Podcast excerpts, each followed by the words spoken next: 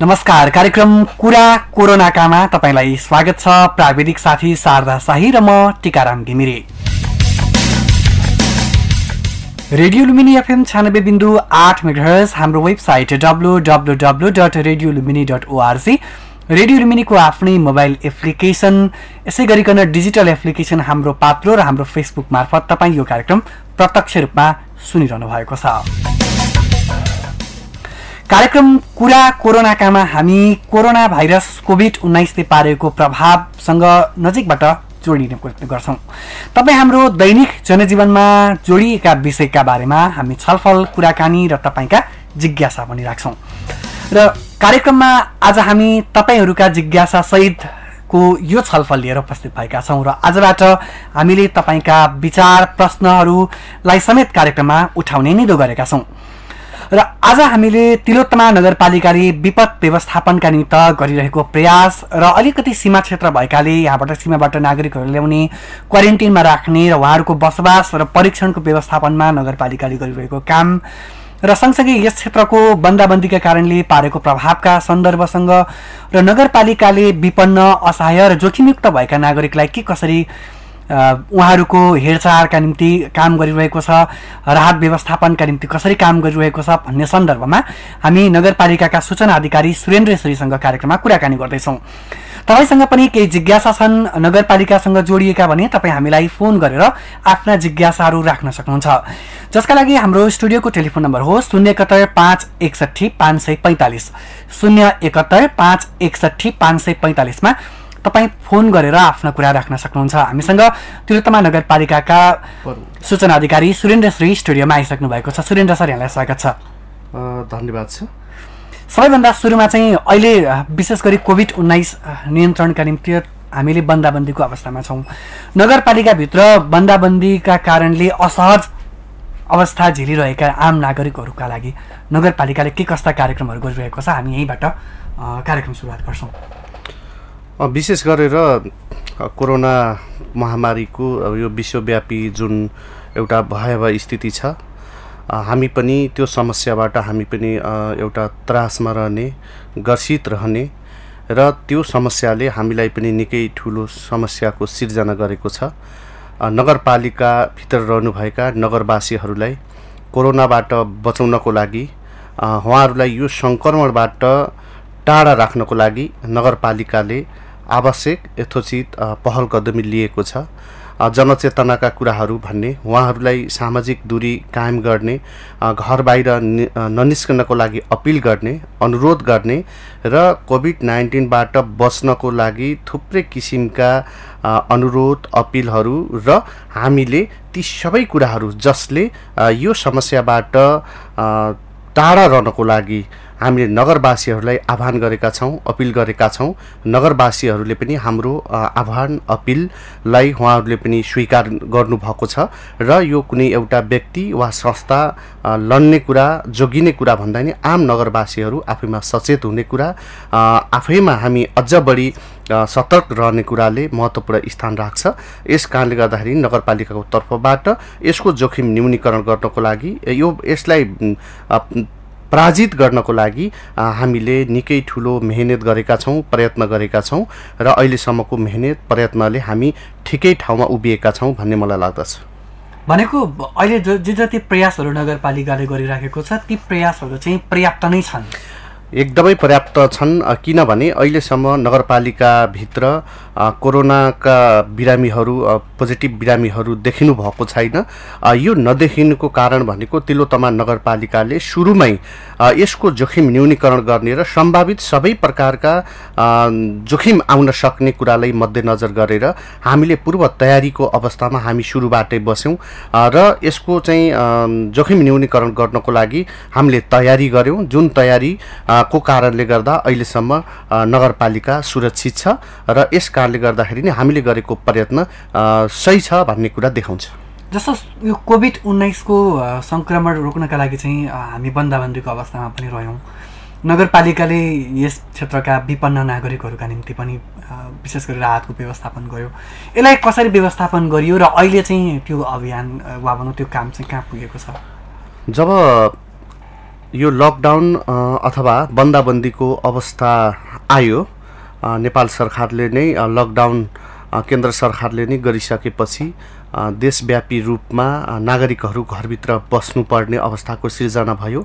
यो सिर्जना भइसकेपछि स्वाभाविक हिसाबले नगरपालिका भित्रका आम नगरवासीहरू आफ्नो दैनिक जीवन चलाउने आफ्ना पेसा व्यवसायलाई अगाडि बढाउने आफ्ना उद्योग धन्दा कल कारखानाहरू चलाउने यो अवस्था रहेन। यो अवस्था नरहँदाखेरि जुन एउटा विषम परिस्थितिको सिर्जना भनेको रोजगारीसँग जोडिएको विषय र जसले दैनिक काम गरेर आफ्नो जीविकापार्जन गर्नुहुन्थ्यो उहाँहरूलाई प्रत्यक्ष रूपमा यसले चाहिँ समस्या पारेको स्थिति थियो।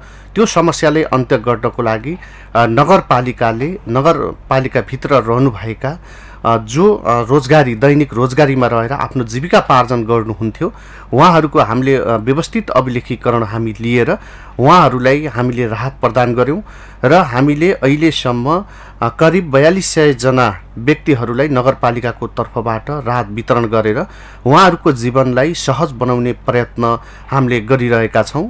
र यसले गर्दाखेरि पनि यो राहत व्य- व्यवस्थापन वितरण र आम नगरवासीलाई परेको अप्ठ्यारोप्रति नगरपालिका असाध्यै सचेत छ।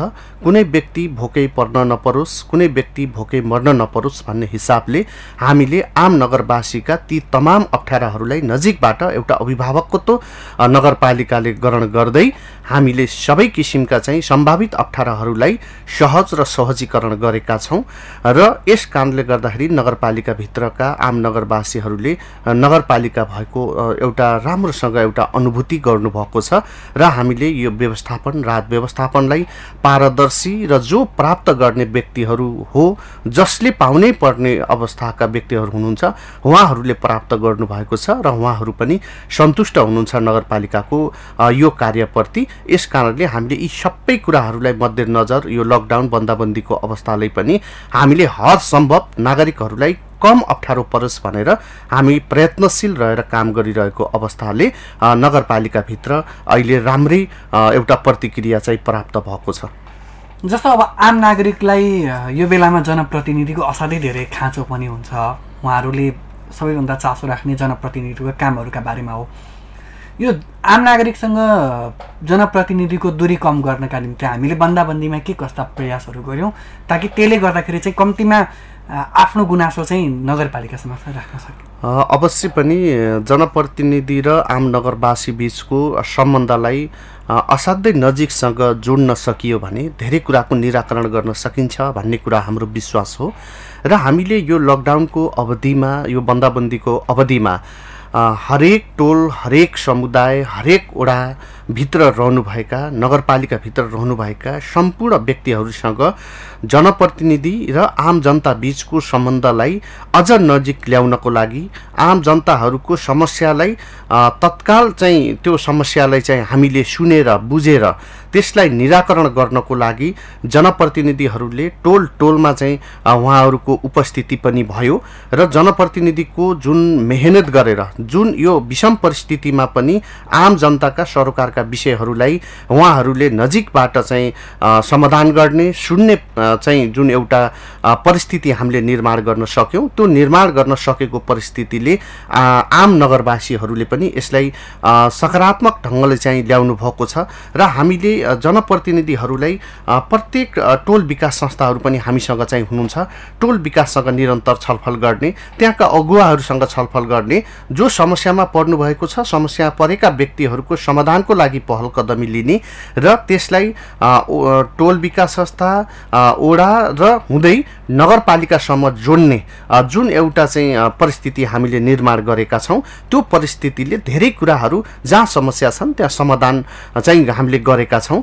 यस कारणले गर्दाखेरि पनि जनता र जनप्रतिनिधि बिचको यो चाहिँ लकडाउनको बन्दाबन्दीको अवधिमा जुन सम्बन्ध रह्यो फोन सम्पर्कका माध्यमबाट अन्य माध्यमबाट भेटघाटको माध्यमबाट धेरै हिँड्न सक्ने हिँड्नु पर्ने अवस्थामा चाहिँ अहिले सबै घरभित्र बस्नुपर्ने र एउटा नीति नियमभित्र बस्नुपर्ने कठिन परिस्थितिमा पनि आफूलाई अग्रभागमा राखेर जनप्रतिनिधिले जुन एउटा भूमिका निर्वाह गर्नुभएको छ हामीले निर्वाह गरेका छौँ जनप्रतिनिधिका हिसाबले त्यो निकै महत्त्वपूर्ण थियो भन्ने कुरा हामीले लाग्दछ।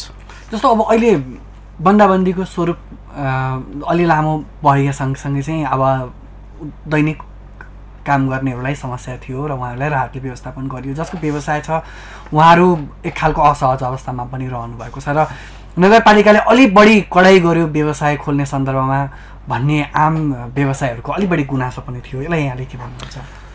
अब यो आफैमा ल- लकडाउन र बन्दाबन्दी आफैमा निकै कठिन कुरा हो। यो हाम्रो चाहिँ रहर भन्दा पनि यो चाहिँ बाध्यताको उपज हो भन्ने कुरा आम व्यवसाय साथीहरूले पनि राम्रोसँग बुझ्नु भएको छ वास्तवमा नगरपालिकाले यो चाहिँ परिस्थिति हामी आफैले चाहेर ल्याएको कुरा त होइन। यो त विश्वव्यापी रूपमा एउटा कठिन परिस्थिति सिर्जना भएर आएको एउटा एउटा महामारीको रूपको समस्या चाहिँ हो। र योलाई न्यूनीकरण गर्नको लागि हामी केही समय कठिन परीक्षामा उभिएका पनि छौँ। र यो कठिन चाहिँ चिजलाई हामीले चाहिँ जित्नको लागि कोरोनालाई हामीले पराजित गर्नको लागि हामीले मानव जातिले जित्नको लागि हामीले जे गर्नुपर्ने थियो त्यही गरेका छौँ। कि लकडाउनको समयमा व्यवसायहरू उद्योग धन्दा कल कारखानाहरू जहाँ मानिसहरूको बाक्लो उपस्थिति हुन्छ त्यो बाक्लो उपस्थितिमा सङ्क्रमण र जोखिमको अवस्था पनि निकै तीव्र हुन्छ। त्यो तीव्रतालाई हामीले न्यून गर्नको लागि नेपाल सरकारले नै अनुरोध गरे बमोजिम नगरपालिकाभित्र हामीले जुन अत्यावश्यक भन्दा बाहिरका उद्योग धन्दा कल कारखाना व्यवसायहरू हो ती व्यवसायहरूलाई पूर्णतया चाहिँ बन्द गर्ने कुरा र त्यो बन्द गरिरहँदाखेरि यो कोरोनालाई पराजित गर्ने कुरा र यसको जोखिमलाई न्यूनीकरण गर्नको लागि हामीले एउटा नियमन गर्ने कुरा अनुगमन गर्ने कुरालाई हामीले व्यवस्थित गरेका हौँ कडाइ भन्दा नि हामीले व्यवस्थित गरेका हौँ। यो व्यवस्थित केवल नगरपालिकाको लागि हाम्रो लागि मात्रै भन्दा नि आम व्यवसाय साथीहरूको लागि आम नगरवासीकै एउटा चाहिँ उहाँहरूको जिन्दगीको लागि हामी सबैको जिन्दगीको लागि महत्त्वपूर्ण कुरा भएरै हामीले यो काम गरेका हौँ र यसलाई अन्यथा हिसाबले कडाइ गर्यो अथवा चाहिँ यसलाई निकै चाहिँ नगरपालिकाले चाहिँ दुःख दियो भन्ने अर्थमा बुझ्नु यो तर्कसङ्गत र न्यायसङ्गत हुँदैन भन्ने कुरा मलाई लाग्दछ। जस्तो कतिपयको भनाइ चाहिँ के पनि थियो भने छोटो समयका लागि व्यवसाय खोल्न दिँदाखेरि चाहिँ अनावश्यक भिड हुन्छ कम्तीमा त्यसलाई व्यवस्थित गर्न सकेको भए राम्रो हुन्थ्यो भन्ने सुझाव पनि थियो। मलाई के लाग्दछ भने अब यो छोटो समय अथवा लामो समय भन्ने कुरा भन्दा पनि व्यवसाय भन्ने कुरा र जतिखेर पनि खोल्न पाउनुपर्छ भन्ने कुरा त्यो सहजताको लागि त्यो एउटा कुरा हुनसक्छ त्यो एउटा तर्क हुनसक्छ। तर चाहिँ कोरोनाबाट बच्ने सबैभन्दा उत्तम विधि भनेकै हामीले बन्दाबन्दी भनेर चाहिँ जब लकडाउनै भनिसकेका छौँ भने फेरि बजार खोल्ने कुरा कति अर्थपूर्ण र तर्कपूर्ण हुन्छ त्यो चाहिँ हुँदैन। किनभने हामीले यही कुरालाई मध्यनजर गरेर यो नगरपालिकाभित्र यसको सहजीकरण गर्ने कुरा आम नगरवासीले आफ्ना अत्यावश्यक कुराहरू खरिद गर्ने कुरा उपभोग गर्ने कुरालाई सहजता होस् भनेर हामीले समय तालिका बनाएरै व्यवसायहरू अत्यावश्यक व्यवसायहरू खुल्ने त्यसलाई किनबेचको हिसाबले लिने आम नगरवासीहरूले त्यहाँभित्र पनि एउटा कठिन परिस्थितिभित्र पनि उहाँहरूलाई सहजता दिने कुरामा हामीले कहीँ कतै कमी गराएका छैनौँ। त्यसले गर्दाखेरि चौबिस घन्टा नै व्यवसाय गर्न पाउनुपर्छ भन्ने कुरा यदि कहीँ कतै त्यस्ता कुराहरू गरिएका छन् भने त्यो कुराले चाहिँ हामीलाई जोखिमलाई अझ बढी चाहिँ स्वागत गरिएको मानिन्छ। त्यसले गर्दाखेरि हामी अब करिब चाहिँ सबैभन्दा बढी जोगिने ठाउँमा छौँ सबैभन्दा बढी बस्नुपर्ने र हामी आफै ध्यान दिन पर्ने समयमा झन् बढी चाहिँ खुल्ला गरेर व्यापार गर्ने कुरा आम मानिसहरूको चाहिँ आगमनलाई उपस्थितिलाई झन् बढावा दिने कुराले हामीलाई झन् बढी चाहिँ सङ्कट ल्याउन सक्छ भन्ने हिसाबले नै हामी नगरपालिकाको तर्फबाट विभिन्न चाहिँ पसलहरूलाई निश्चित समयसम्म खोल्ने निश्चित समयपछि त्यसलाई बन्द गर्ने कुरालाई चाहिँ हामीले अगाडि लिएका छौँ र मलाई लाग्छ नगरपालिकाभित्र हामीले गरेको जुन एउटा समय तालिका छ त्यो समय तालिकाले आम नगरवासीहरूलाई सहज हिसाबमा आफ्ना आवश्यक चिजहरू खरिद गर्ने कुरा चाहिँ उहाँले प्राप्त गर्नुभएको छ। यो ठुलो गुनासोको रूपमा चाहिँ कहीँ कतै आएको कुरा मलाई जानकारी चाहिँ छैन। हुनसक्छ थुप्रै व्यवसाय साथीहरूले अझै यसलाई फराकिलो बनाऊ यसलाई अरू व्यवसायहरू पनि खुलाउँ भन्ने कुरा उहाँहरूको चाहिँ मान्यता हुनसक्छ।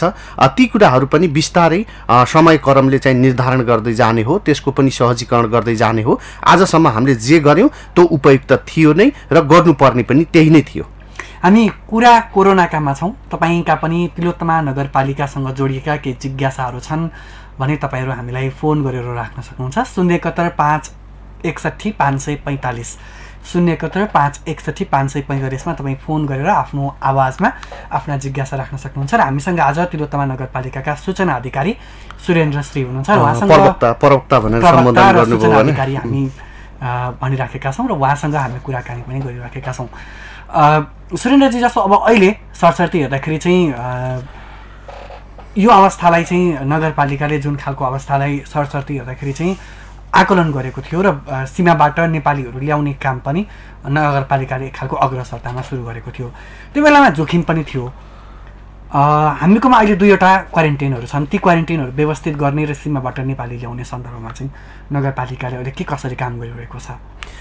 नगरपालिकाको तर्फबाट जुन कोरोना महामारी जब लाग्यो स्वाभाविक हिसाबले हाम्रा सबै बोर्डरहरू चाहिँ खुल्ला बोर्डरको कारणले मानिसहरूको आगमन बढ्ता हुने जसको जोखिम चाहिँ निकै बढ्ता हुने आकलन गरेर नि सरकारले सीमाहरू बन्द गर्ने कुरा चाहिँ नेपाल सरकारले गर्यो।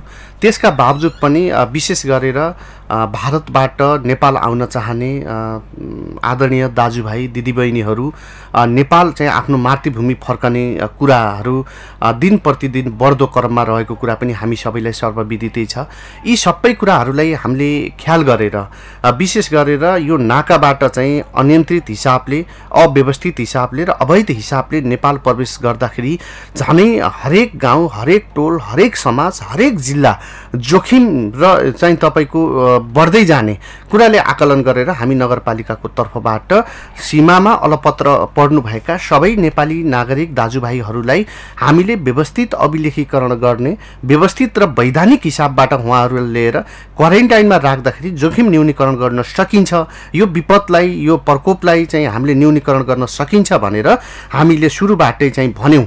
र यो सुरुबाटै भनिरहँदाखेरि हामीले यसको व्यवस्थित गर्नको लागि हामीले सुरुमै अ, शङ्करनगरको चाहिँ दुर्गदत्त उच्च माविको जुन भवन छ त्यो स्कुलमा चाहिँ हामीले क्वारेन्टाइनको निर्माण गऱ्यौँ र त्यसै गरी हामीले तिलोतमा पन्ध्रको मदौलियामा पनि अस्थायी क्वारेन्टाइनको निर्माण गऱ्यौँ र सुरुबाटै चाहिँ अ, शङ्करनगरमा रहेको जुन चाहिँ क्वारेन्टाइन छ त्यो क्वारेन्टाइनबाट क्वारेन्टाइनमा चाहिँ भारतबाट आउने अन्य मुलुकबाट आउने व्यक्तित्वहरूलाई चाहिँ हामीले त्यहाँ राखेर उहाँहरूको व्यवस्थित हिसाबले उहाँहरूलाई राख्ने र उहाँहरूको चेक गराउने निश्चित समय पुरा भइसकेपछि उहाँलाई घरमा पठाउने घरमा गएर पनि दूरी कायम गर्ने र निश्चित समयसम्म बस्ने त्यो किसिमको चाहिँ हामीले सिर्जना चाहिँ गऱ्यौँ र हामी पछिल्लो चरणमा हामीले सुरुका चरणमा अन्य जिल्लाका दाजुभाइ दिदीबहिनीहरूलाई पनि हाम्रो नगरपालिकाभित्र रहेका क्वारेन्टाइनहरूमा लिएर राख्यौँ र अहिले हामीले त्यो कुराको अन्त्य गरेर नगरवासीलाई मात्रै क्वारेन्टाइनमा चाहिँ राख्ने त्यसको सम्पूर्ण व्यवस्थापन हामीले गर्ने गरेर त्यो चाँजो पाँजो चाहिँ मिलाएका छौँ।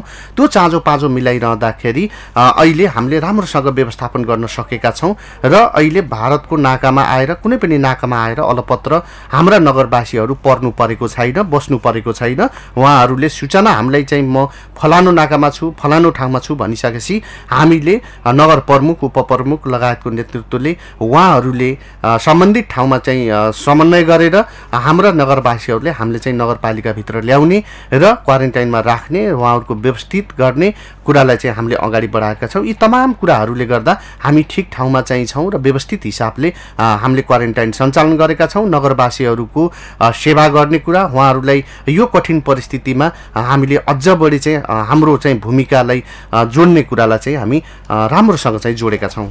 जस्तो अब अहिले क्वारेन्टाइनमा समस्या छैन त्यसो भए कुनै पनि।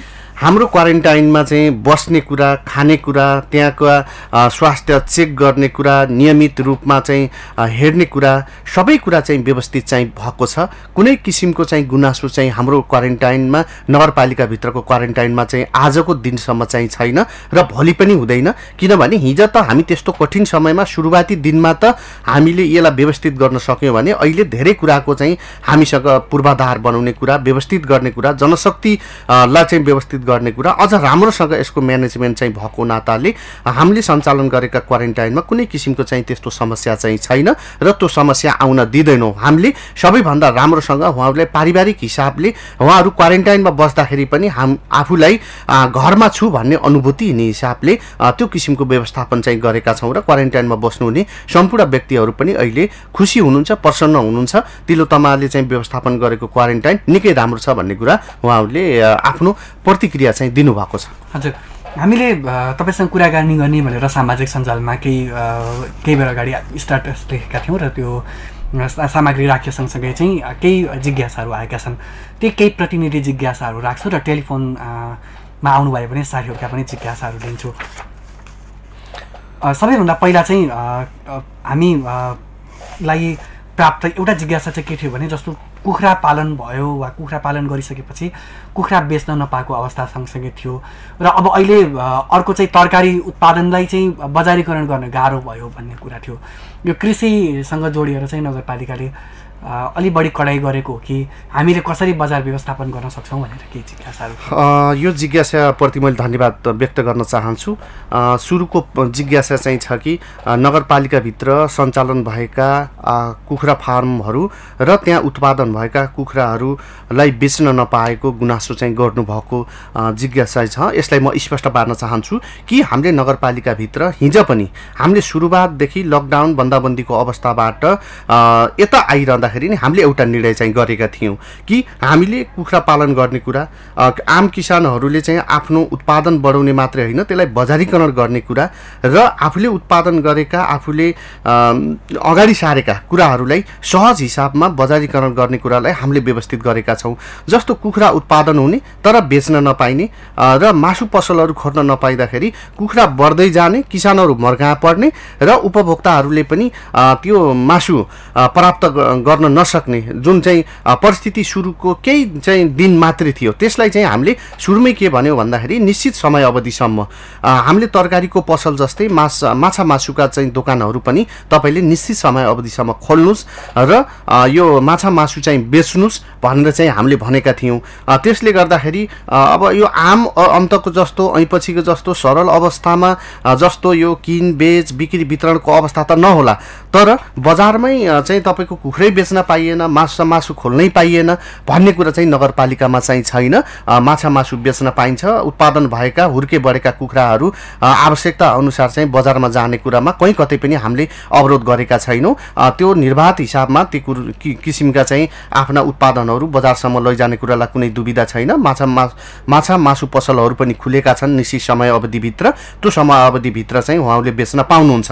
दोस्रो कुरो तिलोतमा नगरपालिकाभित्र तरकारी चाहिँ उत्पादन भएका छन्। कृषकहरूको उत्पादन बारीमै सड्ने हो कि भन्ने कुरा चिन्ता चाहिँ किसानहरूले गर्नुभएको अवस्थालाई पनि हामीले यसलाई अन्त्य गरेका छौँ। सुरुवातमै हामी यस्तो नगरपालिका हो जसले किसानहरूका उत्पादनलाई बजारीकरण गर्ने कुरा र त्यसलाई बिक्री वितरण गर्ने कुरालाई हामीले व्यवस्थित हिसाबले चाहिँ अगाडि ल्यायौँ नगरपालिकाको तर्फबाट अहिले त सबै किसानहरूले आफ्नो उत्पादन ढुक्कका साथ बेच्नु भएको छ। तर सुरुवाती दिनमा चाहिँ नगरपालिकाको तर्फबाट हामीले पाँचवटा छवटा चाहिँ गाडीहरू व्यवस्थापन गरेर कृषकका चाहिँ उत्पादनहरू हामीले हरेक टोल समाजसँग समाजसँग चाहिँ लगेर बिक्री वितरण गर्ने र उपभोक्ताले किन्ने र कृषकले सिधै आफ्नो उत्पादन चाहिँ बेच्ने वातावरण पनि तयार गऱ्यौँ तपाईँहरूले पनि यो महसुस गर्नुभएको छ देख्नुभएको छ।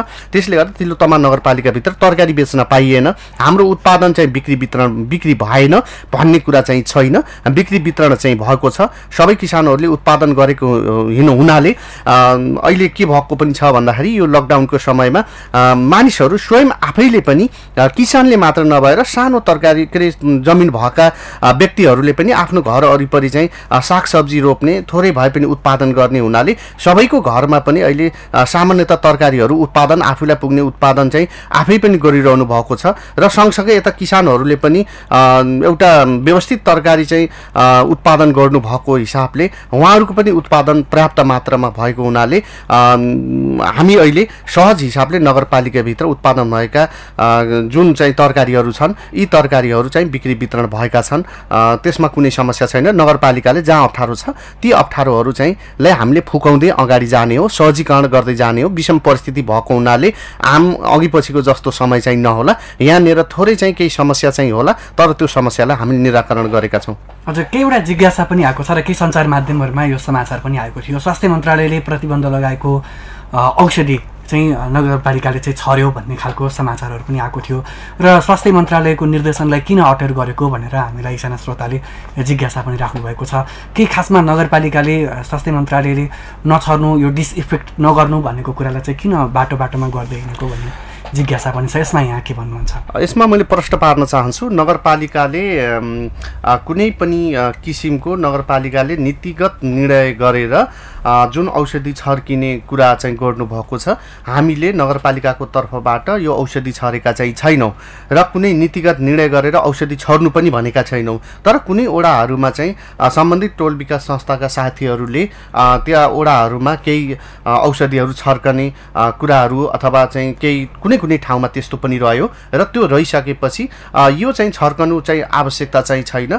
कोरोना विरुद्धको लागि यो औषधि उपयुक्त पनि होइन र यसले चाहिँ अन्यथा अन्य हिसाबको पनि समस्या चाहिँ ल्याउन सक्छ भनेर हामीले तत्कालै ती विषयहरूलाई चाहिँ अन्त गरेका छौँ र नगरपालिकाको तर्फबाट हामीले कहीँ कतै निर्णय गरेर नगरपालिकाभित्रै औषधि छर्ने काम चाहिँ गरेका छैनौँ र गर्ने कुरा पनि रहेन र कुनै कुनै ठाउँमा भएका चिजहरूलाई पनि हामीले त्यसलाई चाहिँ अन्त्य गरेका छौँ र यो छर्किनु आवश्यकता छैन भनेर भनेका छौँ र अहिले त्यो अवस्था चाहिँ छैन। भनेको अहिले चाहिँ यो औषधि छर्ने काम चाहिँ बन्द गरियो। होइन नगरपालिकाको तर्फबाट औपचारिक हिसाबले निर्णय गरेर छरिएको पनि होइन र कुनै कुनै टोल विकास संस्था कुनै व्यक्तिहरूले चाहिँ आफै केही समूहमा मिलेर चाहिँ आफ्नो टोलमा चाहिँ छर्कनु भयो। त्यो कुरालाई पनि हामीले स्वास्थ्यगत दृष्टिकोणले यसका चाहिँ समस्याहरू यसका नकारात्मक पक्षहरू यस्ता हुन्छन्। यी छरेर चाहिँ कोरोना भाग्ने कुरा पनि होइन कोरोनालाई जित्ने कुरा पनि होइन। त्यसले गर्दाखेरि यो नछर्कनुहोस् भनेर हामीले भन्यौँ भनिसकेपछि अहिले कुनै पनि ओडामा त्यस्तो किसिमको कार्य चाहिँ छैन। भनेको त्यो स्वास्थ्य मन्त्रालयले जुन खालको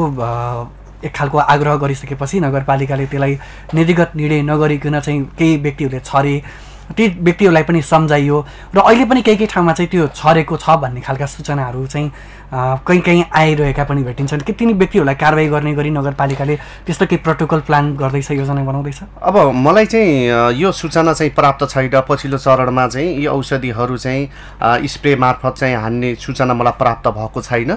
र उहाँहरूलाई कारवाही भन्दा पनि उहाँहरूलाई त्यो औषधि छर्केर यसका सकारात्मक अथवा नकारात्मक पक्षहरूका बिचमा हामीले उहाँहरूलाई सम्बन्धित ओडाबाट मार्फत उहाँहरूलाई सुरुवाती चरणमा केही बिचको समयमा चाहिँ हामीले चाहिँ उहाँहरूलाई सम्झाएका चाहिँ छौँ र उहाँहरू पनि कसो गरेर चाहिँ हामी सुरक्षित हुने हो भनेर उहाँहरूले कहीँ जानेर कहीँ नजानेर पनि त्यो कार्य गर्नुभएको होला।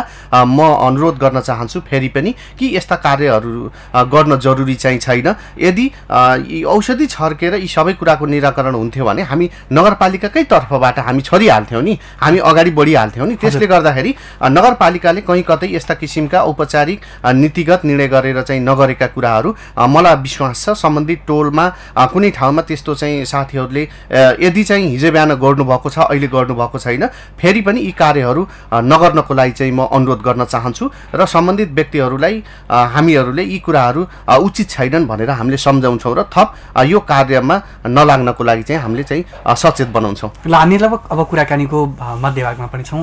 केही छोटकरीमा केही जिज्ञासाहरू राख्न चाहन्छु र अहिले विशेष गरी केही यही वर्ष हामीले अघिल्लो वर्षमा नगरपालिकाले लगानी सम्मेलन पनि गर्यो र अपेक्षित लगानी आउला भन्ने एक खालको अपेक्षा थियो र कोरोना भाइरसका कारण हामी बन्दाबन्दीको अवस्थामा पुग्यौँ। अब केही दिन अगाडि नीति तथा कार्यक्रम पनि प्रस्तुत भयो र हिजो मात्रै नीति तथा कार्यक्रम पास पनि भयो। अब यस क्षेत्रको लगानी प्रवर्धनका लागि नीति तथा कार्यक्रमले चाहिँ र विशेष गरी कोभिड पछिको तिलोत्तमाको अर्थतन्त्रका निमित्त चाहिँ के कस्ता व्यवस्था गरेको छ? एकदमै छोटकरीमा जवाफको अपेक्षा गरेको छु। धन्यवाद छ। मैले फेरि पनि यसलाई संक्षिप्तमै आफ्नो चाहिँ कुराहरू राख्ने चाहिँ अनुमति चाहन्छु कि हामीलाई चाहिँ अहिले आर्थिक सामाजिक यो कोरोनाको कारणले चाहिँ सङ्कट पैदा भएको छ।